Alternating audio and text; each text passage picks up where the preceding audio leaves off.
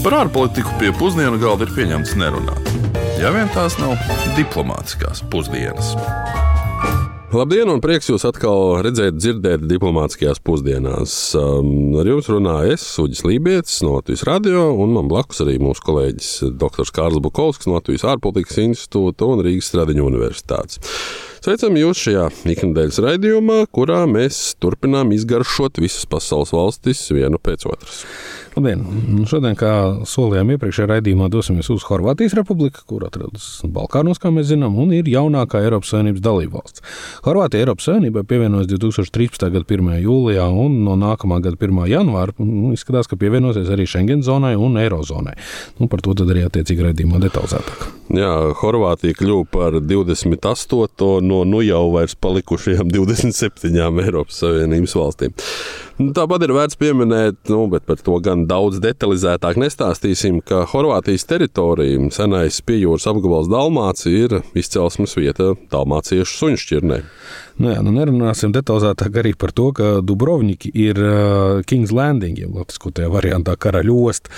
Nu, tie, kas pazīst Džordžu ar Mārtiņu darbu un dziesmu par ledu un uguni, sapratīs, ka runa ir par troņu spēli, gan kā grāmatu, gan kā seriālu. Jaunajā seriālā Pūķa nams arī galvaspilsēta ir filmēta Dubrovnikos. Un, nu, pat ja troņu spēles 8. sezonā vienā brīdī šķita, ka pilsēta pārvietojusies pēkšņi uz tūkstnešu vidu, nu, tā tāpatās bija filmēta Dubrovnikos. Nu, jā, atzīšos, neesmu redzējis nevienu no troņu spēļu sērijām. Nu, grāmatu vismaz es izlasīju. Nē, protams, ka nē. Bet ne vēl te Dubrovnika tiek saukti arī par Adrijas jūras pērli. Nu, vismaz tā to esot nosaucis cienīgs Bairons. Un runājot par turismu, Horvātija esot starp pasaulē 20 populārākiem turistu galamērķiem. Tādēļ ļoti iespējams, ka Horvātiju redzējuši arī mūsu klausītāji, un mēs centāmies noskaidrot, ko vispār par Horvātiju zina tie, kurus sastapām šeit pat Rīgas ielās. Horvātija, kas par tādu ir dzirdēts? Horvātija.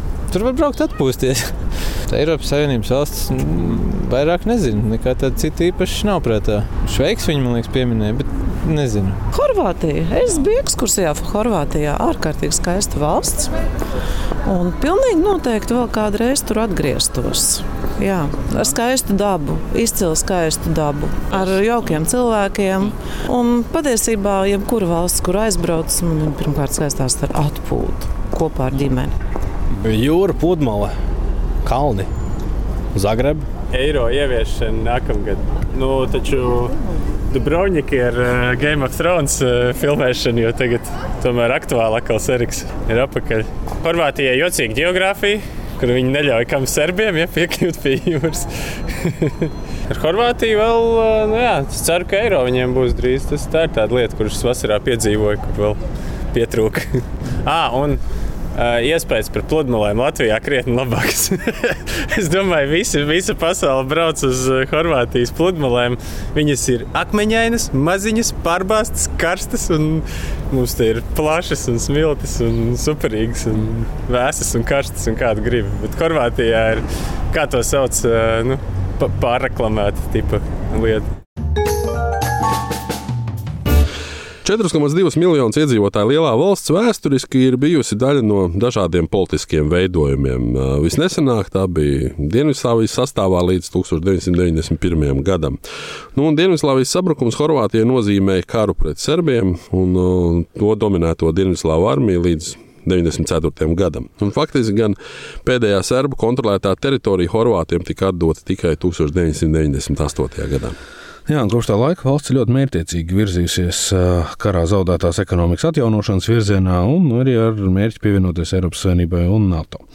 Kara rezultātā smagi cieta valsts ekonomika, kā varam iedomāties, un uh, Horvātija zaudēja apmēram 40% no kopējā iekšzemes koprodukta. Sevišķi, protams, grūti klājās arī turisma industrijai, un tā uzskatīts, ka turisma industrija vēl mūsdienās nemaz nav pilnībā atkopusies no 30 gadus atpakaļ notikušā kara. Nu, un, lai arī mūsdienās tā veido apmēram 20% no modernās valsts IKP un vairāk nekā 10 miljardu eiro ieņēmums katru gadu, nu, izaugsmas potenciāls vēl esot diezgan pamatīgs.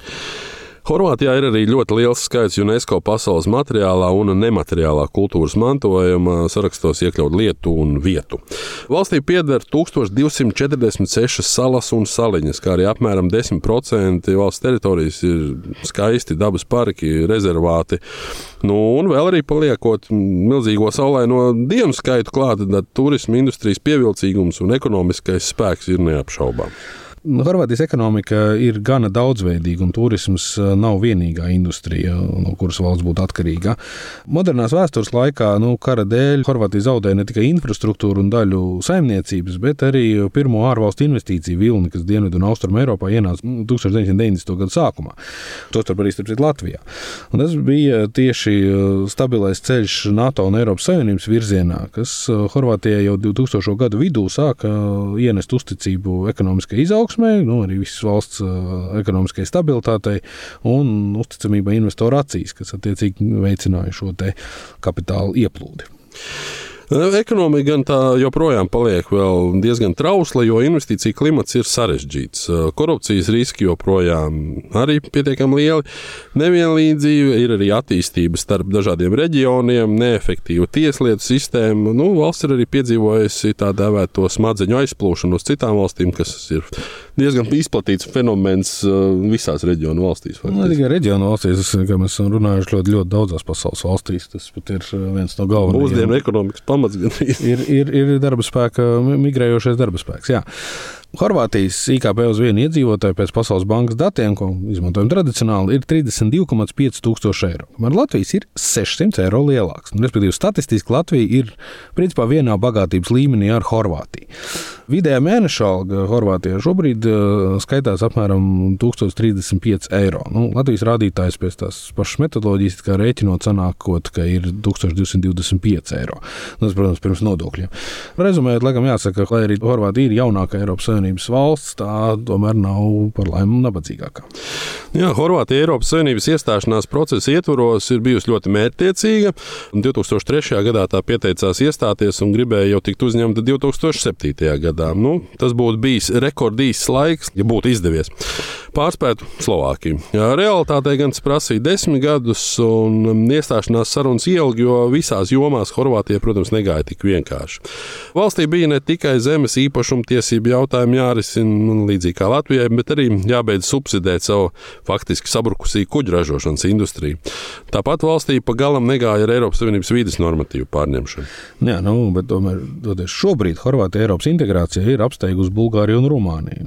Reģionu kaimiņu valstis Bulgāriju un Rumānija pievienojās Eiropas Savienībai jau senajā 2007. gadā, bet nu, neviena ne otra nav tikuši ne Eirozonā, ne Schengen zonā. Vēl. Un Bulgārijas prokrievisko partiju uzvar kārtējās vēlēšanās, piemēram, varot atsviest valsts pievienošanos, plānoto pievienošanos Eirozonai pat vēlāk nekā sākotnēji bija domāts 2024. gads. Rumānija tikmēr kā ātrāko pievienošanos datumu vispār min tikai 2029. gadu. Nu, attiecīgi, Horvātijai kļūstot par 20. Eirozonas dalību valstī, tā iekļausies institucionāli un politiski Eiropas Savienības kodolā ātrāk nekā varbūt tas daudz bija gaidījuši. Nu, jā, šeit var teikt, ka mērķtiecība un izlēmība atmaksājas, bet uh, pastāstīt par to, kā pievienošanās Eirozonai un Schengenai ietekmē Horvātijas pašsajūtu kā Eiropas Savienības valstī, mēs lūdzām pastāstīt Horvātijas attīstības un starptautisko attiecību institūta Eiropas integrācijas departamenta bijušajai vadītājai doktorai Višņai Samarģijai. Eurozone and Schengen are two Croatian major priority goals. Eirozona un Schengena ir Horvātijas divi galvenie ārpolitikas mērķi, kurus mēs sasniegsim 2023. gada 1. janvārī. Tas notiek gandrīz desmit gadus pēc pievienošanās Eiropas Savienībai. Tā vien liekas, ka iedzīvotāji vairāk ir koncentrējušies uz to, kādu ietekmi atstās pievienošanās Eirozonai, nevis Schengenas zonai. Tas tāpēc, ka pievienošanās Eiropas kodolam notiek ļoti sarežģītā laikā. Eiropa ir nonākusi recesijā, pieaug inflācija, nopietnu iespaidu uz enerģijas cenām ir atstājis karš Ukrainā, un nekur nav pazudusi arī Covid pandēmija. Tāpēc pilsoņu vidū valda bažas, taču lielāka priekšrocība noteikti būs izdevīgāki priekšnoteikumi uzņēmējdarbībai un zemākas transakciju izmaksas. Kā viens no pirmajiem taustāmajiem rezultātiem ir gaidāms kredītreitinga kāpums. No otras puses pilsoņi baidās, ka eiro ieviešana novedīs arī pie cenu kāpuma, un tas vēl vairāk ietekmēs dzīves apstākļus laikā, kad jau tā tiek piedzīvota augstākā inflācija pēdējā desmitgadē. Ir svarīgi piebilst, ka jau kādu laiku Horvātijā ir novērojama augsta eiroizācija. Noguldījumi tiek veikti eiro valūtā, aizņēmumi tiek ņemti eiro, cenas par nekustamo īpašumu mašīnām un īri tiek rēķinātas eiro. Tāpēc gatavošanās eiro ieviešanai notiek ļoti gludi.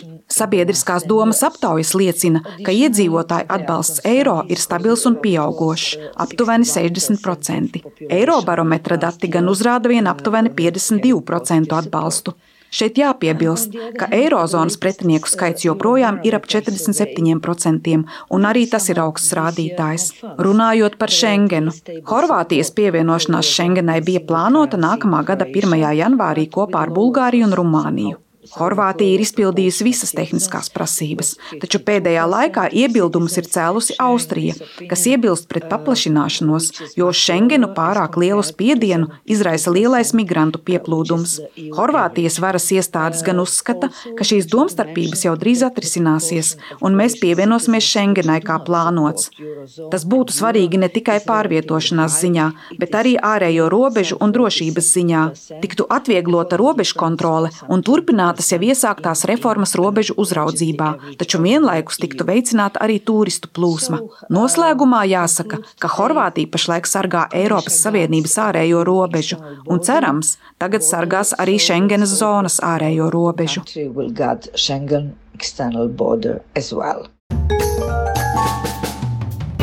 Nu, kā mēs labi zinām, paši arī pēc savas valsts, nav tā, ka kļūstot par Eiropas Savienības integrācijas kodola valstīm, pēkšņi visas problēmas ir atrisinātas un valsts ir tā teikt pabeigta. Var tikai piebeigt. Jā, nu, to mēs ļoti labi zinām. Un, diemžēl. Horvātijas gadījumā viena no demokrātiskās sistēmas problēmām ir vārda brīvības likumiskie ierobežojumi. Jā, cik tu savādi to noformulēji, tā tiešām ir taisnība. Runa ir par to, ka Horvātijas konstitūcijā ir vienlaicīgi atrunāts gan tiesības uz vārdu brīvību, gan arī tiesības uz godu, cieņu un reputācijas neaizskaramību. Nu, nu šo tiesību aizskārums arī ir kriminalizēts. Rezultātā gandrīz tūkstoši tiesas procesu šobrīd ir ierosināti pret žurnālistiem Horvātijā. Nu, jā, šis ir kliedzošs skaitlis, kas pilnīgi noteikti ietekmē arī presas un vārdu brīvību Horvātijā, nu, ieskaitot arī pētnieciskā žurnālistikas darbību, tostarp korupcijas gadījumos. Aizdoms par korupciju, vārds tiek nosaukts un rezultātā žurnālists tiek iesūdzēts tiesā. Pat ja 95% gadījumu beidzās ar to, ka žurnālisti un izteiksmes brīvība uzvar, tas nemaina spiedienu, kas pastāv žurnālistiem. Jā, to arī šeit Latvijā droši vien daudz teiks, ka šāds spiediens ir uh, bieži vien ļoti jūtams un traucē strādāt. Rezumējot, jāsaka, ka Horvātija būtībā jau ir absolūti normāla valsts. Brīvības cīņas pirms 30 gadiem tikai norūdīja valsti un padarīja to mērķtiecīgu tās eiropeizācijas ceļā. Un nākamā gada 1. janvārī šim ir jāvainagojas ar kārtējiem panākumiem. Lai cik būtu paēdis, vienmēr ir vieta arī desertam. Un desertā šoreiz parunāsim par maziem dzīvnieciņiem un eirozonu. Proti, ja reiz Horvātija pāriet uz eiro, tad tās tagadējā valūta kuna pazudīs ikdienas norēķinos, un par to arī mūsu šīs dienas deserta stāsts. Nu jā, Horvātijas nacionālā valūta kuna tika pieņemta 1994. gadā, un tās sīknauda ir lipas. Vienas kunas vērtība ir 13 eiro centi. Nu, tas, tas interesē. Pēc ilgām diskusijām un vairākiem piedāvājumiem valsts palika pie šiem konkrētiem naudas vienību nosaukumiem, un tā arī ir līdz šim lietojusi. Interesantākā stāsta daļa ir tā, ka kuna ir cauna horvātu valodā. Nu, varam vilkt paralēlus arī ar krievu valodu, kur ir kuņica. Nosaukums nav izvēlēts nejauši, jo caunu ādas senatnē tika izmantots kā naudas vienība, un lai arī maksātu nodokļus ar laiku, caunas arī sāka parādīties uz viduslaiku monētām. Nu, varbūt tās, ka kāds jau nojauta, tad vārds lipa horvātu valodā nav nekas cits kā latviešu valodā liepa. Respektīvi, horvātu naudas līdz šī gada beigām būs caunas un liepas. Tirgojamies ar dzīvnieciņiem un koka rublīšiem. Um, šis arī varētu būt noslēdzošais mūsu šīs dienas stāsts, bet nākamajā nedēļā dosimies uz uh, visiem zināmo valsti Vanuatu, kas atrodas kaut kur tālu okeānā. Un kurai arī ir uh, saistība ar Eiropas Savienību. Pat, uh, Jā, problēmas. un to mēs redzēsim, kāda tad šī saistība ir. Bet tikmēr aicinām droši klausīties gan šo, gan arī mūsu iepriekšējos raidījumus, uh, kuru arhīvs jau krietni pārsniedz simtu. Tos varat atrast Latvijas radio mājaslapā un mobilajā lietotnē, arī Spotify, Apple, Google podkāstu atskaņotājos. Nu, īsāk sakot, klausieties, un lai jums mierīga klausīšanās. Lai izdodas! Diplomātiskās pusdienas katru otrdienu pusdienos Latvijas Radio 1.